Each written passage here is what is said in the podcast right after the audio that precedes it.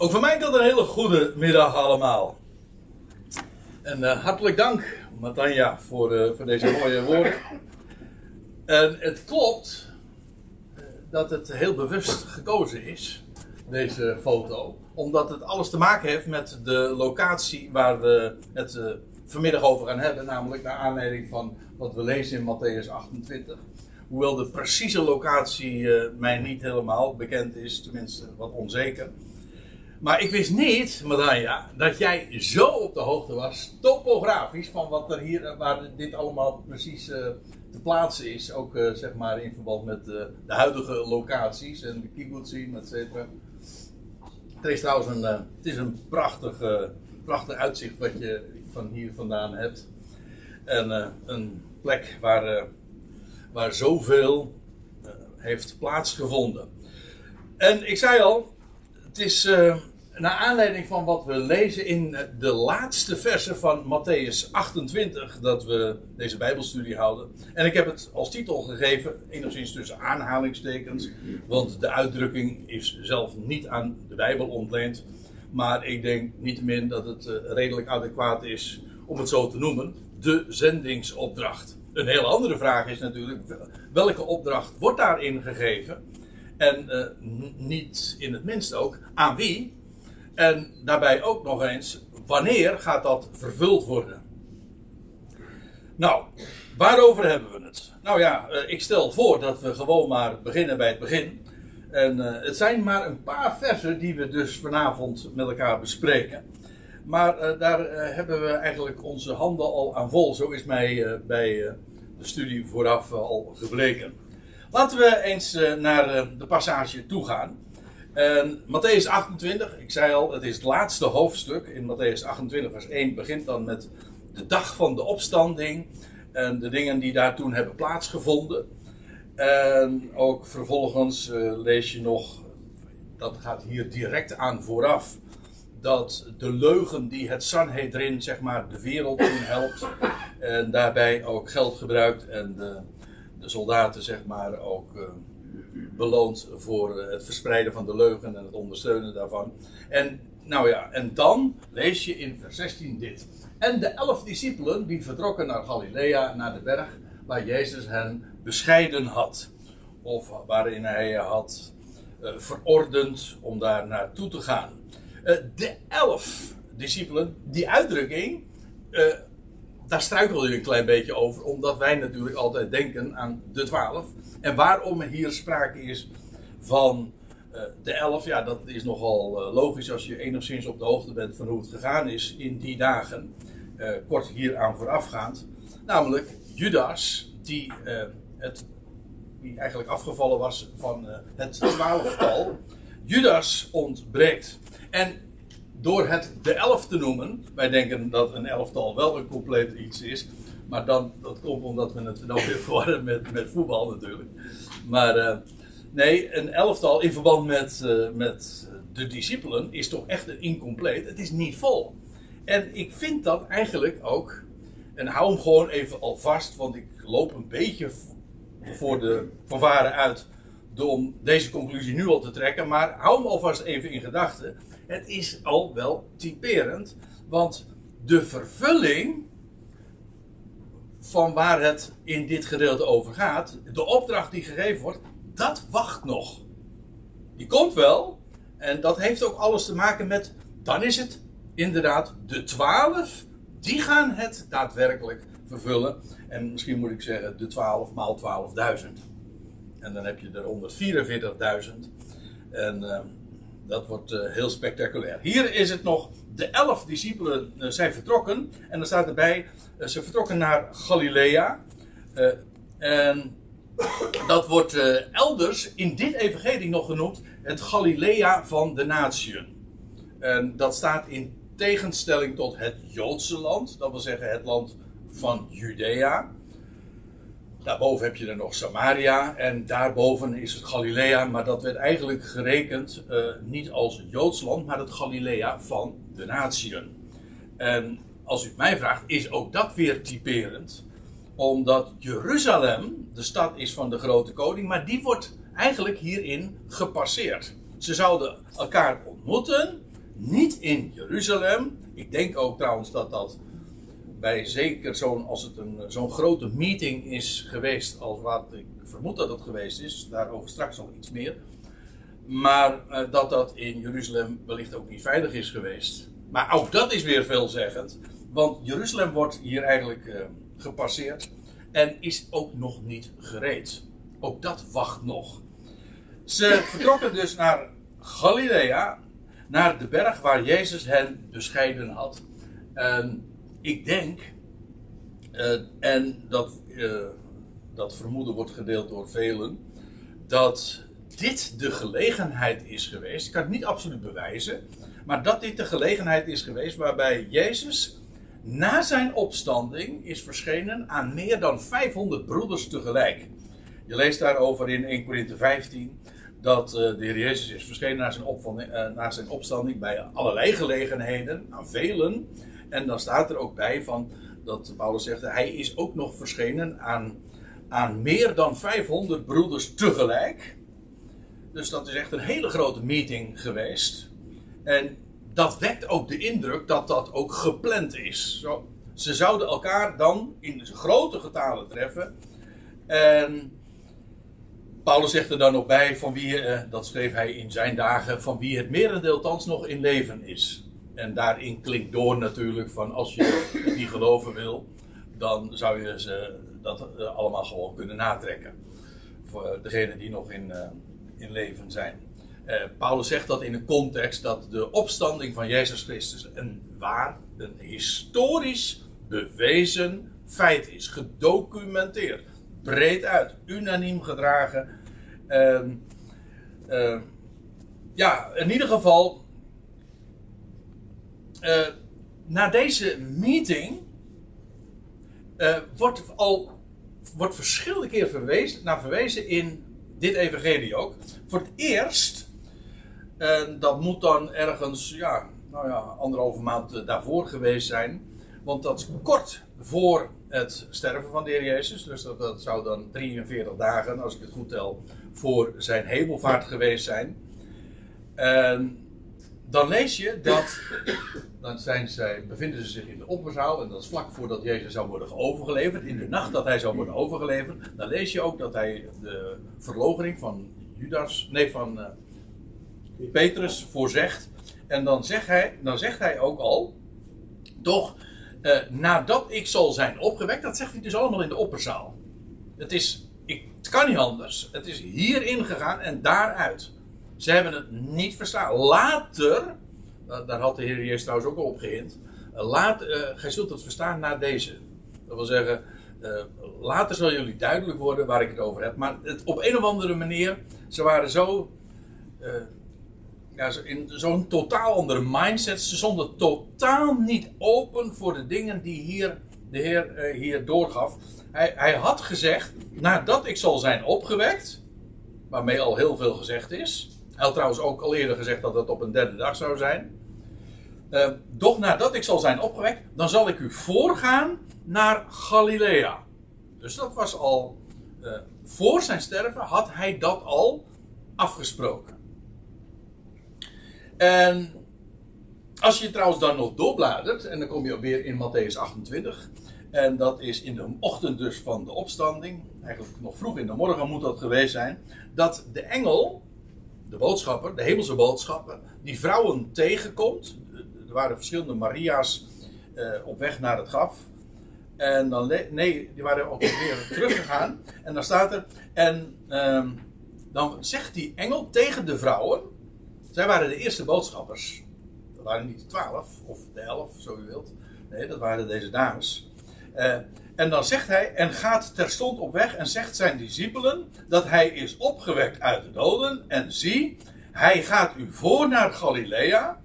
Daar zult gij hem zien. Zie, ik heb het u gezegd. Trouwens, ze zouden hem diezelfde avond nog zien. Dat was dan in Jeruzalem.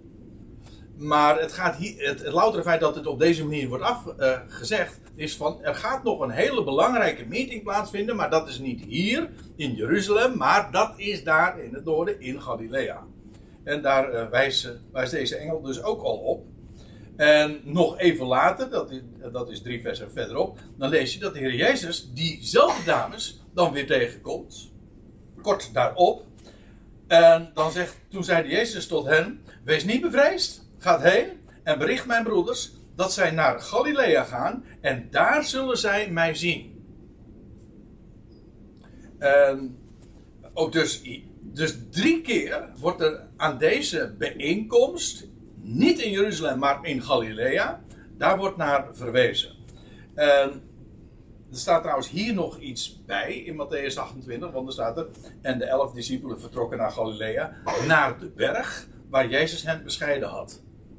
Dat is informatie die alleen hier staat, want dat het, uh, ja, in Galilea, uh, waar dan? Nou, kennelijk was de, maakte ook deel uit van de afspraak. Al is dat verder niet, uh, al weten we daar verder niks van. Maar er staat hierbij, het was ook op de berg waar Jezus hen bescheiden had. Ja, en welke berg is dat geweest? De berg. En de locatie wordt als bekend verondersteld. Er wordt geen mededeling gedaan welke berg het is. Maar het loutere feit dat het de berg genoemd wordt, geeft aan dat zij, zij allen wisten om welke berg het ging. Het was niet zomaar een berg, nee, het was de berg. En, en dat is wel interessant, want als je dan even terugbladert en je kijkt, je, je je, uh, je tikt even in de zoekmachine uh, in, uh, van De Berg. Waar komt dat dan voor in Matthäus? En in verband dan ook met Galilea.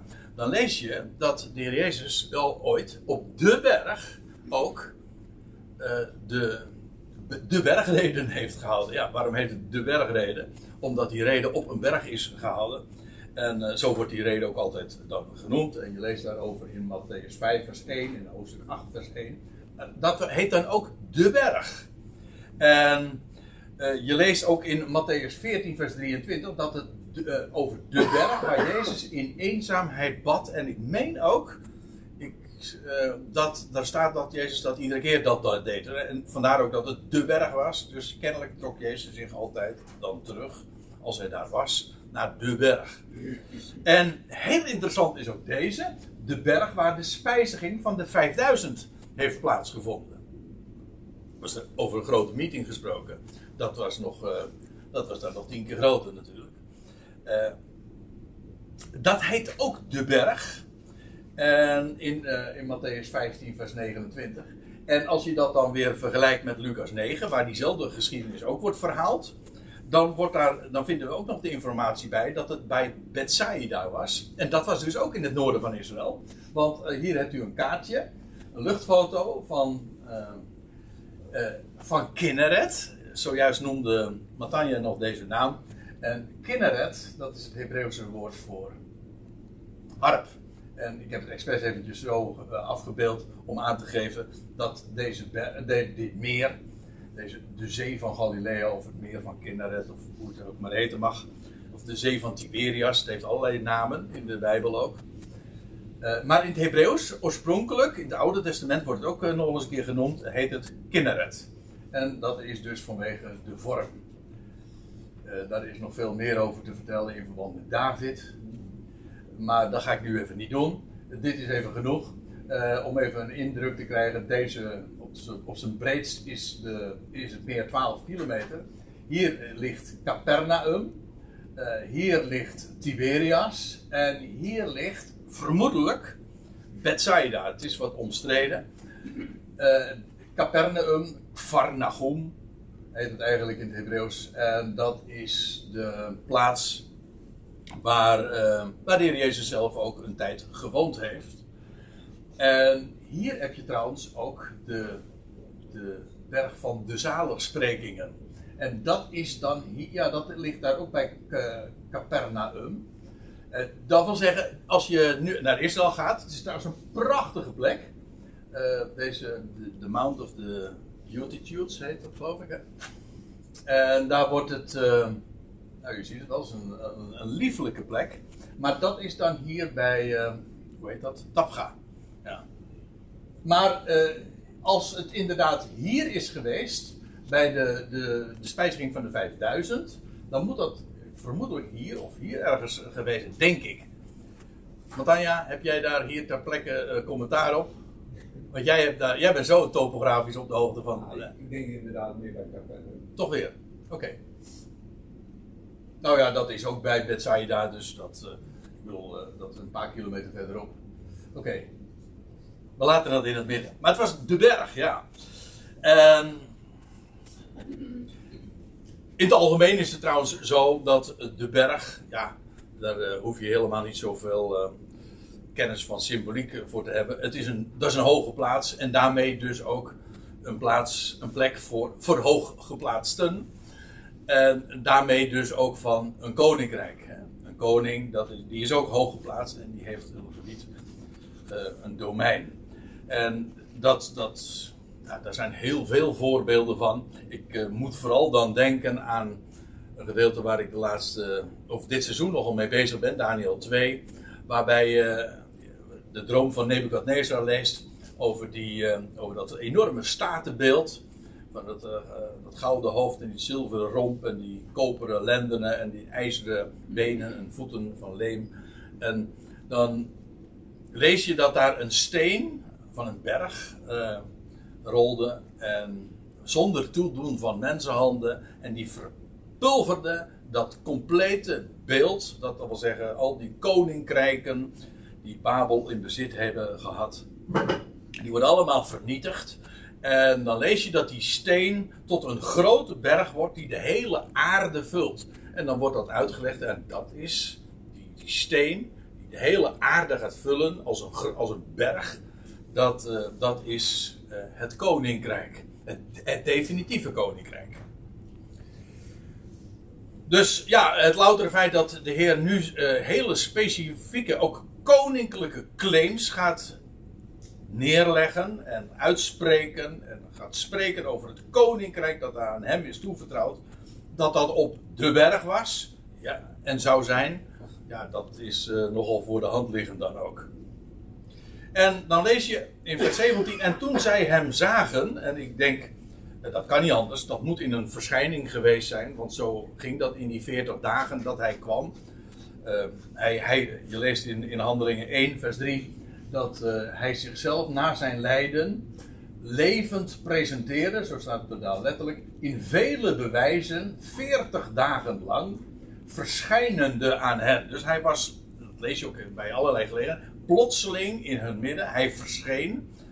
Uh, wij zeggen dat soms ook wel eens een keertje. Nou, dan, uh, dan zie je me wel verschijnen. Maar dat is niet zo. Je komt gewoon. Uh, je komt gewoon binnen via de deur. Maar zo ging dat bij de Heer niet. Na, in die 40 dagen. Hij verscheen. Hij was plotseling in, hen, in hun midden. En, en toen zij hem zagen. En dan begrijp je ook meteen de reactie. Bogen zij zich neer. maar sommigen twijfelden. Ik, even kort nog even iets over dat bogen zij zich neer. Want in de NBG-vertaling, ik heb het hier expres ook eventjes cursief gemaakt om aan te geven dat het afwijkt van de NBG-vertaling. Uh, eigenlijk staat er in het Grieks een woord dat uh, opgebouwd is uit twee elementen. En dat is een voorzetsel naartoe en, uh, en het, het werkwoord kriolen. En dat is iets wat, een, wat, je, wat een hond ook doet, bijvoorbeeld voor zijn baasje. En dat die zich ehm, ja, neerwerpt, heel klein maakt voor zijn baas. En dat is. Sorry.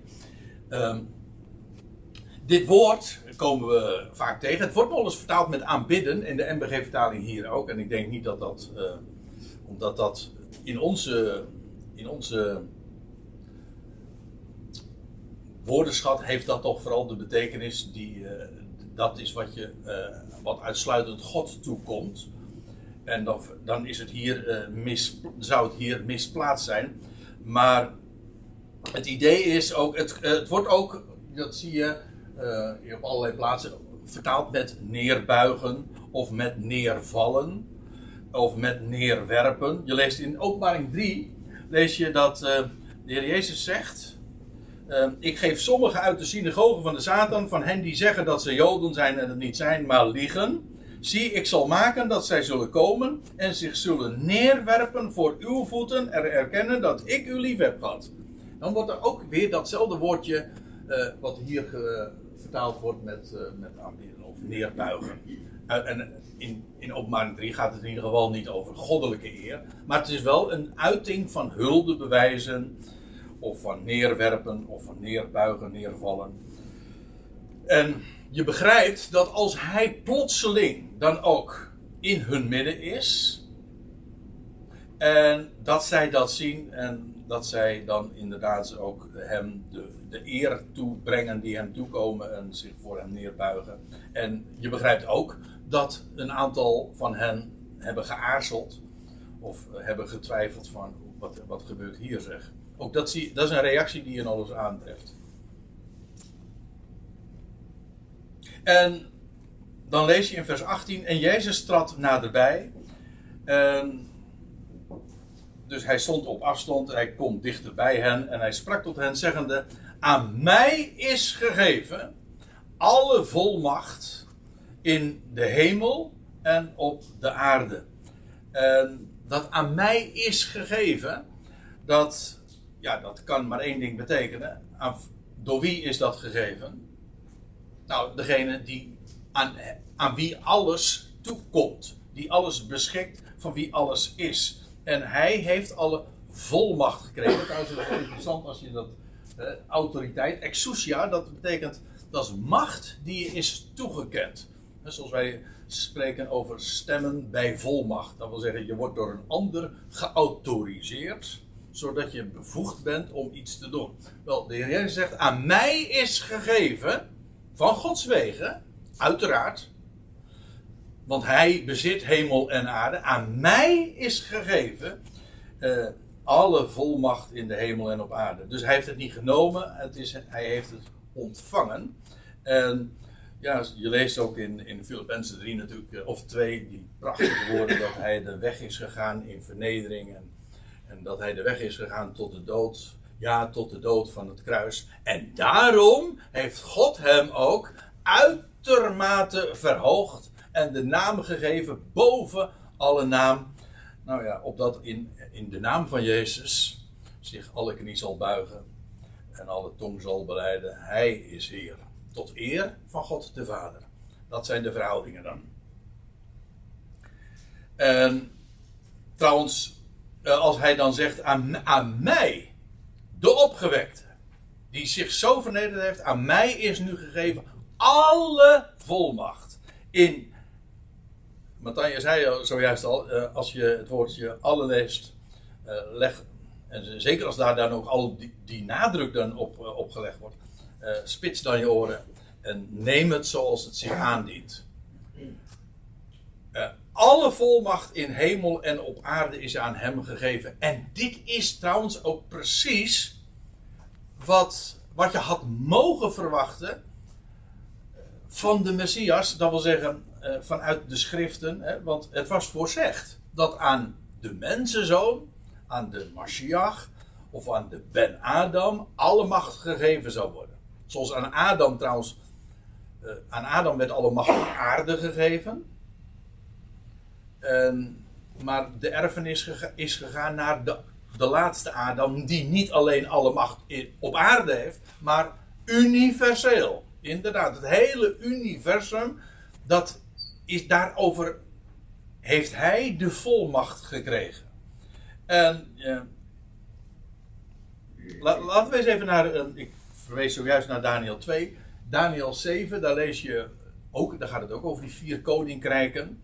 En dan lees je dat, uh, dat Daniel dan, dan, dat is een, een droom die Daniel zelf heeft. En dan staat er, ik bleef toekijken in de nachtgezichten en zie, met de wolken des hemels kwam iemand, gelijk een mensenzoon. En hij begaf zich tot de oude vandaag. Wiens dagen zijn van ouds, weet u wel. Die, ja, dat is nogal logisch. Hij, heeft, hij is het begin. Hij begaf zich tot de oude vandaag en men leidde hem voor deze. En daar staat erbij. En hem werd heerschappij gegeven en eer en koninklijke macht en alle volkeren, natie en talen, die dienden hem. Zijn heerschappij is een eeuwige heerschappij. Dat wil zeggen, voor de eeuwen, voor de ionen, die niet zal vergaan. En zelfs als die, uh, zijn heerschappij uh, ten einde zal zijn, als de laatste vijand ook teniet is gedaan, dan zal hij het koning, een volmaakt koninkrijk teruggeven aan zijn God en Vader. Daarmee vergaat niet de heerschappij, maar dan wordt het koninkrijk overgedragen in zijn ultieme volmaaktheid. Maar het gaat me even om het punt uh, dat aan die mensenzoon de heerschappij werd gegeven. En eer en koninklijke macht en alle volkeren, natie en talen die dienden. En dat kan maar één ding betekenen. Dat die, die natieën uh, aan hem zijn onderworpen. En daar gaat dit gedeelte ook over. Want laten we nou maar gewoon meteen naar uh, vers 19 toe gaan. Want dat is uh, het kernvers, hè? de zendingsopdracht. Matthäus 28, vers 19. Daar staat dit. Laten we het eens heel goed en precies bekijken. Gaat dan henen. Uh, het lijkt wat futiel door erop te wijzen, maar er staat eigenlijk heen gegaan zijnde. De opdracht, het is geen, is geen uh, uh, gebiedende wijs op ga heen.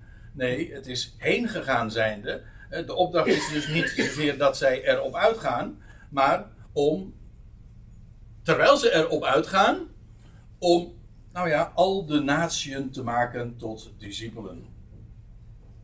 Dat is interessant.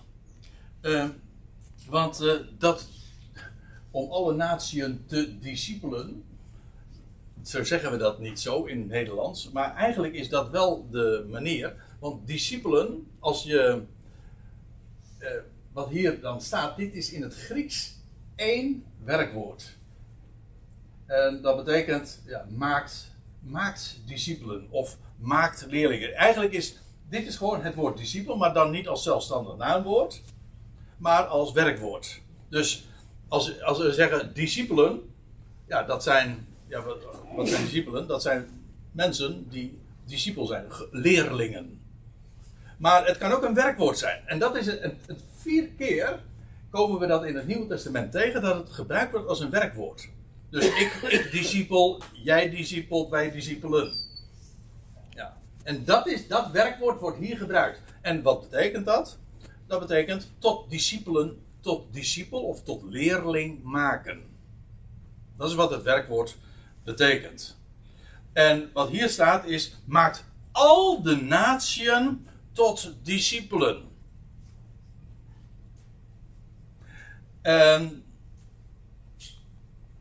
ja, dan, als je dit dan trouwens vergelijkt, want ik heb er nog niet eens uh, op gewezen, maar uh, hier in Matthäus 28 vind je de, de zendingsopdracht. Maar je vindt hem ook in Marcus 16. Ik zeg hem even tussen haakjes, want die passage waar Marcus 16 mee afsluit, dat uh, is omstreden waar vermoedelijk een later toevoegsel. Dus uh, die parkeer ik even. Maar Lucas 24 vinden we ook de zendingsopdracht. Dan wordt er trouwens ook heel uitdrukkelijk bij gezegd uh, dat ze de, naar de volkeren zouden gaan. Te beginnen in Jeruzalem. En dat wordt trouwens in Handelingen 1, vers 8 ook gezegd. Hè? In Jeruzalem, Judea en Samaria. Tot aan het einde van het land. Van de aarde, zo u wilt. Ja. En wat hier nou zo bijzonder aan is, en dat uh, ondergaat denk ik heel velen, dat is dit gegeven. Hier vind je in ieder geval de elf, die, zijn hier, die worden hier bij name genoemd, ook al is het een veel grotere meeting geweest. De elf in het bijzonder worden hier aangesproken in Matthäus 28. Maar weet u, die zijn nooit hier aan toegekomen. die zijn nooit naar de natie gegaan. En het is eigenlijk nog sterker. Ze peinsden er niet eens over om naar de natie te gaan. Want tien jaar na deze woorden. En dan, komen we dan zijn we in Handelingen 10 ook uh, aangeland. Dan krijgt Petrus, wordt hem via een visioen duidelijk gemaakt dat hij naar een Cornelius moet gaan. En dat was een vreemdeling. Dat was een vreemdeling in de poort, hè? Hij was een, uh, een godvrezend, geëerd onder het volk, et cetera. Hij, en, en hij was een, dus hij verbleef als een vreemdeling. En Petrus dacht er eigenlijk niet aan. Die, er moest echt hemel en aarde bewogen worden, als ik het zo mag zeggen. Om hem zo ver te krijgen dat hij zelfs naar zo'n vreemdeling zou gaan.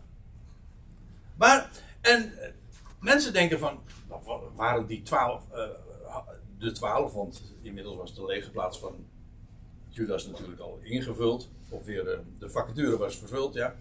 Uh, maar waarom zijn ze niet naar de natieën toegegaan? En dat was geen laksheid, kan ik u vertellen. Integendeel, want we weten dat ze allemaal enorm gedreven waren.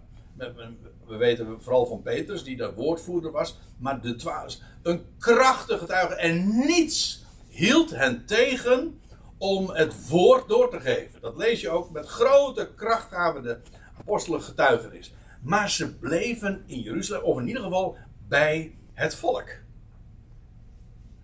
En de reden is heel eenvoudig. Namelijk, zij zouden al de natieën tot discipelen maken. Maar te beginnen bij het volk, namelijk Israël. Trouwens, ik, uh, ja, ik heb daar nu even geen dia's van. Maar je zou uh, dat in, uh, is, is na moeten lezen. In Matthäus 10, daar vind je ook een zendingsopdracht. En dan lees je dat, dat de, de twaalf erop uitgestuurd worden. En dan zegt de Heer Jezus, ga niet heen naar de Samaritanen. Ga ook niet naar de, de betreed niet de weg van de, de heidenen. Nee, ga, je richt je, predik, tot het huis van Israël. En hier wordt gezegd van ga, uh, maak al de volkeren. Ja, ja, maar wel bij welk volk te beginnen? Voor de twaalf, als ik, laat ik het dan even zo zeggen, was het zo logisch om eerst Israël te prediken. En sterker nog, om Israël tot discipel te maken. En ja, het loutere feit dat de twaalf niet naar de natie gingen was heel simpel. Eerst moest Israël gediscipeld worden. Gemaakt worden tot een discipel. En het hele, de hele geschiedenis van het boek Handeling is eigenlijk... Israël weigerde gediscipeld te worden. Die, onderwer, die luisterde niet naar het getuigenis en werd geen leerling. En eigenlijk sinds die tijd ja, is deze hele grote opdracht, namelijk om al, al de natieën te maken tot discipelen, staat stil. Het, eerst moest het volk tot discipel gemaakt worden. En daar is het bij gebleven. En de elf zijn ook nooit verder gekomen. En nou zegt u misschien. Ja, maar wacht even. Paulus is toch naar de natie gegaan.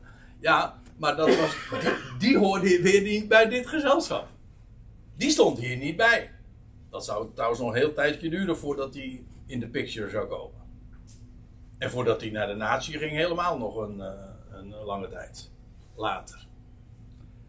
En dat was ook pas nadat Israël officieel als natie ook het getuigenis van de twaalf heeft verworpen. En dan gaat Paulus niet naar de natieën omdat uh, ja, de Israël inmiddels tot een, een discipel was geworden. Nee, juist Paulus werd juist geroepen omdat Israël weigerde uh, de boodschap te aanvaarden en haar koning en haar messias verwierp. En juist door hun struikeling ging het naar de natie. Dus niet omdat het, uh, om het ene werk klaar was, ging Paulus dan maar verder. Nee, het was juist het ene werk dat liep stuk. Of dat liep, uh, liep dood, zeg maar. En toen zei God, toen, heeft, toen is er een dertiende apostel geroepen en die ging naar de natie. Dus zoals Paulus dat ook uitlegt in eh, Romeinen 19 en 11, dat hij zegt, ja, door hun struikeling is uh, het heil naar de natie gegaan. En daarom ben ik ook een apostel van de natieën. Maar dat is een heel ander. Ik, ik, hoop dat ik duidelijk daarmee maak dat het een heel ander verhaal is. Dus het is niet de twaalf hier, of de elf zo u wilt, die worden hier erop uitgestuurd om al de natieën tot discipelen te maken. Hebben ze never nooit gedaan. Waarom? Omdat de eerste natie geen discipel werd. En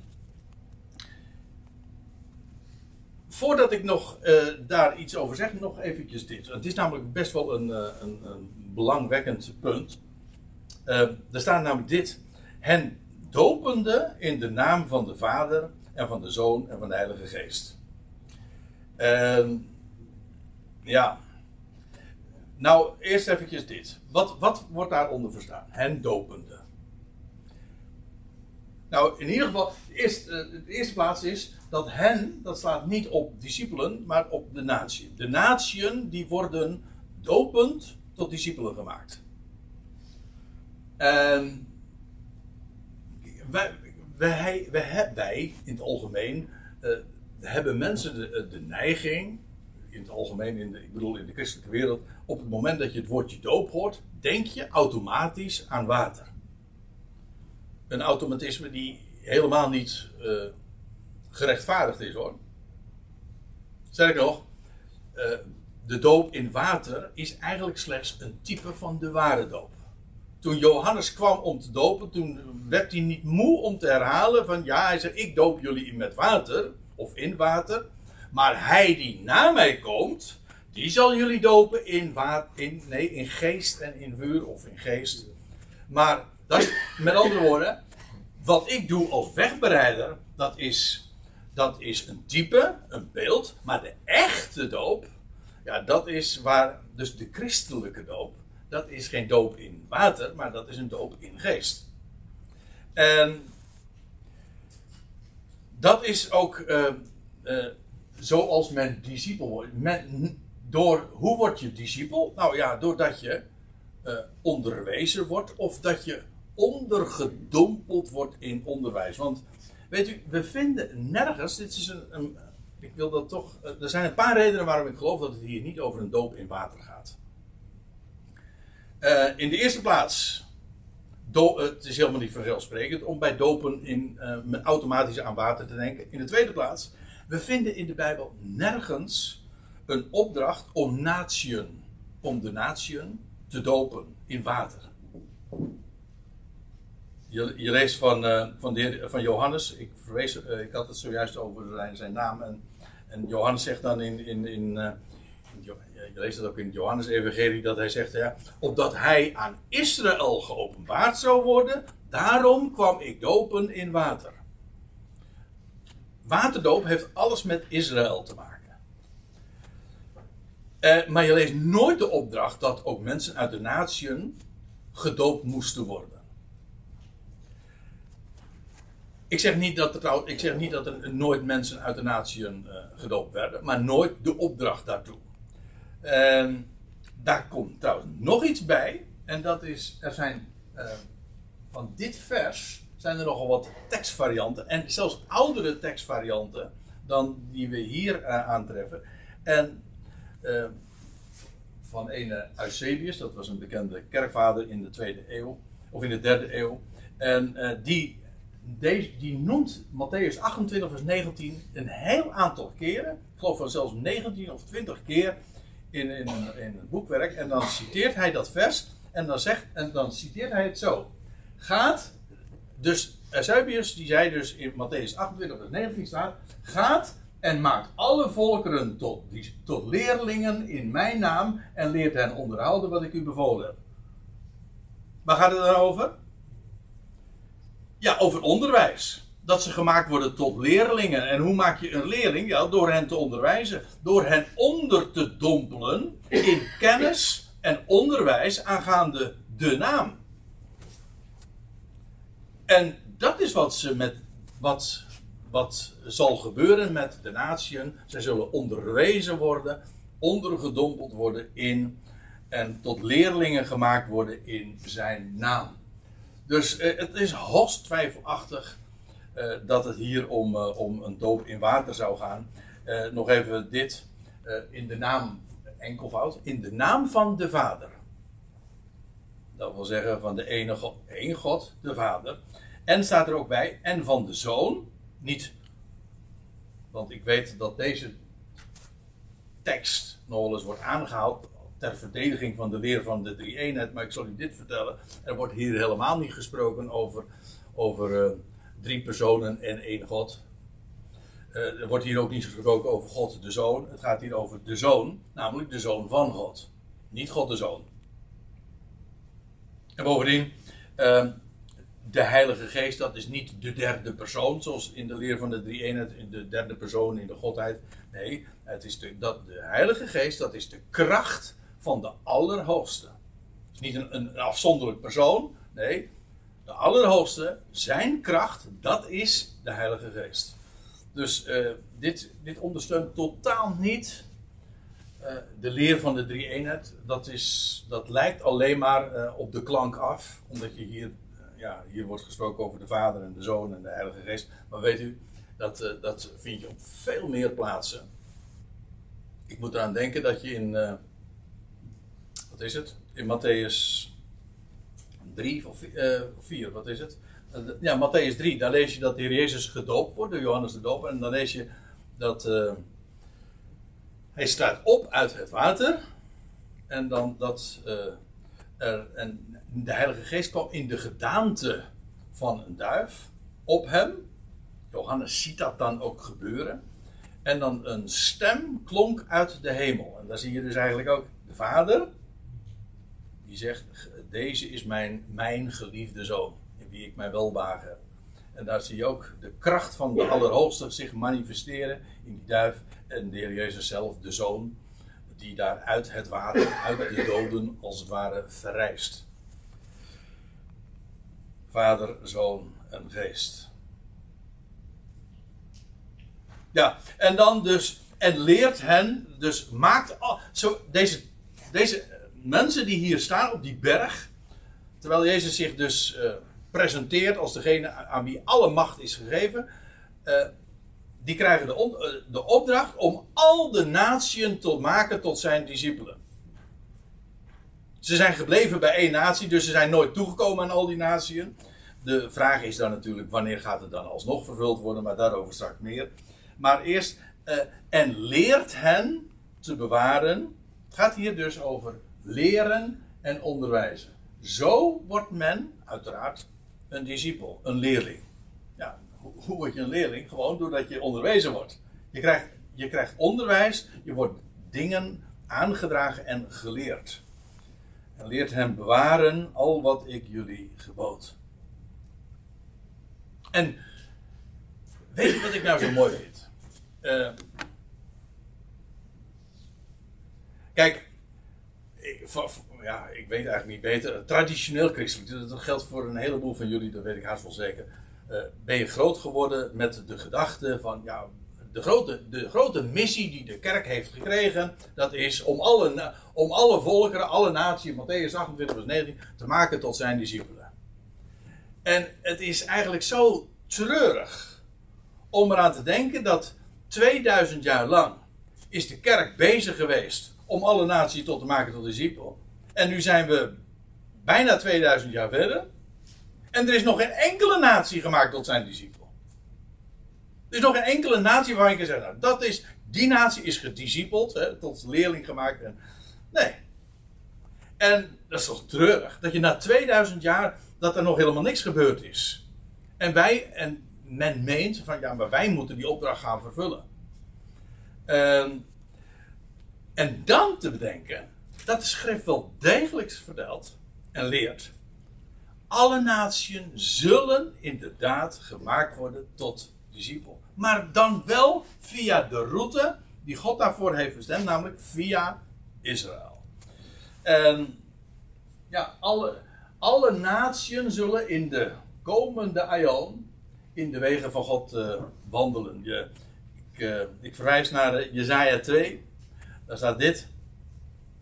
Uh, en het zal geschieden. Gaat het over de, de ja, dat, wat er uh, binnenkort in de komende aion gaat gebeuren. En het zal geschieden in het laatste der dagen. Dan zal de berg, let op, de berg van het huis van Yahweh. Want daar zal weer dan een tempel worden gebouwd. Uh, vaststaan als de hoogste der bergen. En hij zal verheven zijn boven de heuvel. Hij, dat is die, die, die berg dat huis of, van Yahweh, uh, zal verheven zijn boven de, de heuvelen. En alle volkeren, let op, alle volkeren zullen derwaarts heen stromen. En vele naties zullen optrekken en zeggen: Komt, laten wij opgaan naar de berg van Yahweh, naar het huis van de God Jacobs. opdat hij ons leren aangaande zijn wegen. En opdat wij zijn paden bewandelen. Want uit Sion zal de wet uitgaan. En Jahweh's woord uit Jeruzalem. Deze woorden, alle natieën die gemaakt worden tot discipelen, dat gaat vervuld worden. En wat staat daarin centraal? Via welk volk? Nou, hier wordt het al impliciet gezegd, namelijk via een gelovig Jeruzalem en via de, de stad. Ja, logischerwijs, waar begint het koninkrijk? Uiteraard in de stad van de grote koning. En ja, dan, zal, uh, dan, dan zullen inderdaad via, die, uh, via dat kanaal, via gelovig Israël, zullen alle natieën gemaakt worden tot discipelen. En nou, ik lees even verder. Want in, dit is dan het laatste vers van Matthäus 28. En dat de Heer Jezus dan dit, dit zegt. En zie, ik ben, en zie, ja. Ik ben met jullie al de dagen tot aan de voleinding van de Aion. Dit is trouwens op, uh, opmerkelijk dat in het Matthäus-evangelie geen melding gemaakt wordt van de hemelvaart. En ik weet, het klinkt wat uh, als ik het zo zeg, maar ik weet waarom. Omdat het namelijk juist gaat over uh, over het feit dat de Heer blijft bij de zijnen. Deze opdracht, om wanneer alle natieën gemaakt zullen worden tot discipelen, dat zal zijn, ja, nou, het wordt hier eigenlijk al gezegd, dat zal zijn in de tijd van de voleinding van de Aion. En dan zal hij daadwerkelijk en zichtbaar ook op aarde zijn en met de zijne wezen. En ik, dat. Eigenlijk, de, de, de logica de, is, is, ja, die is, zo, is zo voor de hand liggend. Kijk, als Israël eenmaal gelovig zal zijn geworden. En we weten hoe, trouwens ook hoe dat zal gaan. Maar als Israël eenmaal gelovig zal geworden zijn, dan lees je dat de Messias zal terugkeren tot hen. En dan zal hij ook de, dan zal Jeruzalem de stad van de grote koning worden. Maar dan, via die weg, zullen alle volkeren gemaakt worden tot discipelen. Uiteraard via een gelovig Israël. En dan worden de twaalf, dan wordt dan niet meer de elf, nee, de twaalf. De twaalf maal twaalfduizend, die worden uitgezonden over de hele wereld. En zo, in die tijd, zal het koninkrijk manifest worden. Ik zal u meenemen, ik wil u graag meenemen, tenslotte ook nog naar Matthäus, nee, naar Handelingen 15. Ik zeg tenslotte, dat is niet helemaal waar, maar uh, daar lees je dit. Uh, dat is trouwens ook, dit, dit is een vergadering in Jeruzalem. En dan, daar is Paulus ook bij. En dan lees je dat uh, Jacobus het woord neemt. En dan refereert hij aan wat zojuist door Petrus is verteld. En dan zegt hij: Simeon heeft uiteengezet hoe God eerst omziet om een volk voor zijn naam uit de, de natieën te vergaderen. Dat is het werk dat God eerst doet een volk, niet alle natieën te maken tot discipelen, maar om uit de natieën, uit alle natieën, een volk te verzamelen. Een ecclesia, een, ja, een uitroepsel. Dat is iets anders, hè? Je hebt aan de ene kant dus alle natieën die, die gediscipeld worden. En je hebt het werk dat God nu doet. Namelijk dat er uit de volkeren een volk verzameld wordt voor zijn naam. En dat is wat God nu eerst doet. En terwijl Jacobus dat dan zo uiteenzet, dan zegt hij: Simeon heeft uiteengezet hoe God eerst omziet om een volk voor zijn naam uit de, uit de natie te vergaderen. En dan zegt hij erbij: En hiermee stemmen overeen de woorden van de profeten, gelijk geschreven staat. De profeten in het algemeen spreken hierover, maar nou gaat hij een citaat geven uit Amos. Amos 9, vers 11 en 12. En dan staat er: Daarna zal ik wederkeren en de vervallen hut van David wederopbouwen. En wat daarvan is ingestort, zal ik weder opbouwen en ik zal haar weder oprichten. Dus eerst een volk verzameld, wordt verzameld uit de natieën voor zijn naam.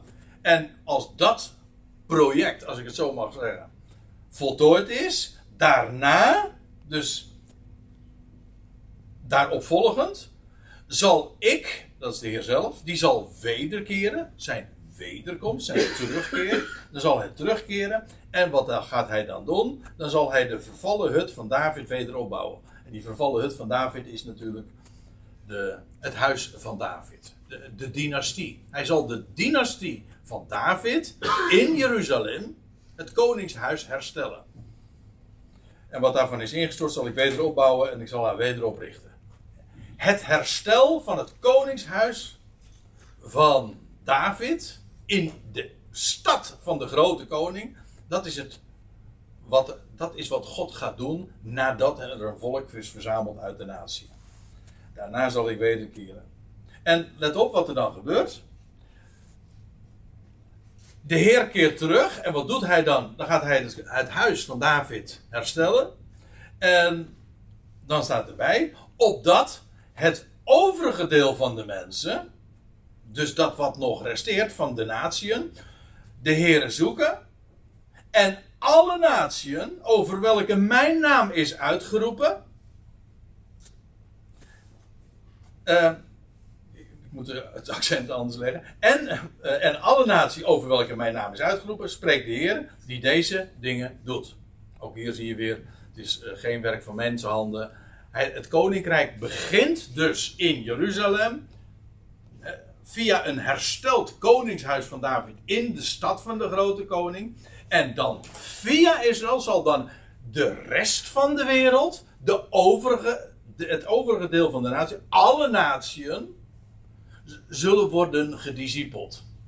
Dat, ja, die formulering komt uit Matthäus 28 en hier staat, en die zullen dan de Heren zoeken en mijn naam is daarover uitgeroepen. Zij worden namelijk, alle natieën zullen worden onderwezen. Ja, via het volk dat God daarvoor heeft bestemd. Hij heeft uh, het volk van Israël, het huis van Jacob, heeft hij uitgekozen opdat, uh, tot een koninkrijk van priesters om juist via dat volk heel de wereld te gaan discipelen. En ja, wanneer gaat dit gebeuren? Nou, hier staat bij, uh, dat zal zijn wanneer de Heer zal zijn teruggekeerd en zijn koninkrijk zal hebben gevestigd, eerst in Jeruzalem. En dan gaan alle naties daarin delen. Maar dat zal, dat zal ook in een hele turbulente tijd zijn. Het boek De Openbaring spreekt daar ook over. Als de, de bazuinen ook over de wereld zullen gaan. En ook rampspoed. Maar in die tijd zullen er 144.000 mensen, jonge uh, mannen uit, is, uit alle stammen van uh, Israël, uh, zijn geselecteerd. En ook beveiligd, verzegeld. Dat wil zeggen, ze zullen worden verzegeld. Ze zullen niet onaantastbaar zijn voor alle rampen die de wereld dan ook zal treffen. En zij, en zij zullen het evangelie van het koninkrijk dan prediken. En alle wat dan het overige deel, dat wil zeggen het resterende, het overblijfsel van de natieën, want er zal een enorme kaalslag plaatsvinden. Maar zij zullen, dat wat overblijft, ja, dat zijn alle natieën. En die zullen worden gediscipeld. En zij zullen in de wegen van God gaan, gaan, wandelen. En ja, dat is ook het einde van de, deze aion. Betekent ook het begin van de nieuwe aion. En uh, als hier dan staat in vers 20. En zie, ik ben met jullie. Al de dagen tot aan de volleinding van de aion. Ja, dat is. Uh, die voleinding van de Aion, dat is die afsluitende fase van deze Aion. Wij zitten daar dicht tegenaan. Het is het nog niet zover. De Heer is nu nog bezig met het, uitroepen van een volk uit de natieën. Maar als dat uh, werk uh, gecompleteerd is, dan, dan, dan, is, uh, dan staat dit op het programma. Dat is het volgende programmapunt. En dan zullen al de natieën het evangelie van het koninkrijk vernemen. Die term wordt in dat verband ook gebruikt.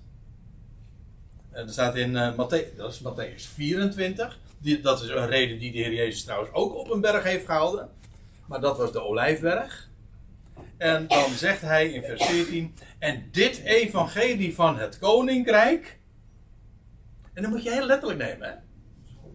Het is echt het evangelie van. Wat is het evangelie van het koninkrijk? Dat is het goede bericht, de blijde tijding van het koninkrijk dat inmiddels in die dagen zal zijn begonnen, daar in Jeruzalem. De koning is er en nu gaat het hele, de hele wereld gaat zijn koninkrijk worden. Alle naties zullen worden onderworpen. En dat goede bericht zal gepredikt worden eh, ja, door Israël en door een speciale selectie van, ja, van, die, van de 144.000. Maar in ieder geval door het volk van Israël. De twaalf. Ja, dan is, dan is het compleet. Dat zal dan vervuld worden. En dan staat erbij, en dit evangelie van het koninkrijk zal in heel de bewoonde wereld gepredikt worden. Tot een getuigenis voor al de naties. En dan zal het einde gekomen zijn. En als u wil weten wat het einde hier is, dan moet je even terugkijken. Want de vraag van de discipelen was: wat is het teken van uw parousia? En, deel 2 van de vraag, en van de voleinding van de Aion? Nou, het antwoord is: als het evangelie van het koninkrijk in heel de bewoonde wereld gepredikt zal worden tot een getuigenis voor al de naties, dan zal het einde gekomen zijn. Zodat die grote opdracht, die ooit 2000 jaar geleden werd gegeven, weliswaar uh, toen gegeven is, maar ze is de vervulling ervan wordt uitgesteld en zal daadwerkelijk plaatsvinden wanneer in de voleinding van de Aion, die inmiddels dan her, uh, nabij is. Maar uh, ja, wij leven dus in, in die tussentijd, in die onderbreking, waarin, uh, waarin de Heer een volk uit de natieën verzamelt. Ik denk dat het buitengewoon belangrijk is om die dingen goed scherp te, te, te zien. Ja, kijk, als je natuurlijk denkt dat wij Israël zijn, dan begrijp je ook dat men altijd gedacht heeft van wij moeten die grote opdracht, die zendingsopdracht vervullen. Voor ons is de zending, nee. Wat God nu doet, is een volk uit de natie verzamelen. En straks krijg je het echte grote publieke werk dat het koninkrijk daadwerkelijk, concreet, heel de wereld in bezit gaat nemen. Ja, en dat zal met succes in één generatie allemaal plaatsvinden. En dan, ja, dan zal het einde gekomen zijn. Zodat uh, die grote opdracht da daadwerkelijk dus vervuld gaat worden in al zijn kracht. En ik vind het zo prachtig. Dat is het laatste wat ik uh, bij deze wil zeggen. Maar ik vind het zo prachtig als de Heer dan zegt op die berg: Mij is gegeven alle volmacht in de hemel, op de aarde, gaat dan heen. Daarin zit al de garantie, dit gaat vervuld worden. Waarom? Wel, ik ben de koning. En mijn koninkrijk zal daadwerkelijk heel de wereld gaan vervullen en alle naties en jullie, volk van Israël, zal daarvoor worden ingezet. Nou, dat wilde ik vanavond uh, eens uh, met jullie delen. De zendingsopdracht. En ik denk dat dit een wat uh, ander perspectief is dan wat er meestal over verteld wordt. Maar juist daarom leek het me zo ter zake om, eens, uh, om, uh, om dit eens te bespreken. Zullen we het daarbij?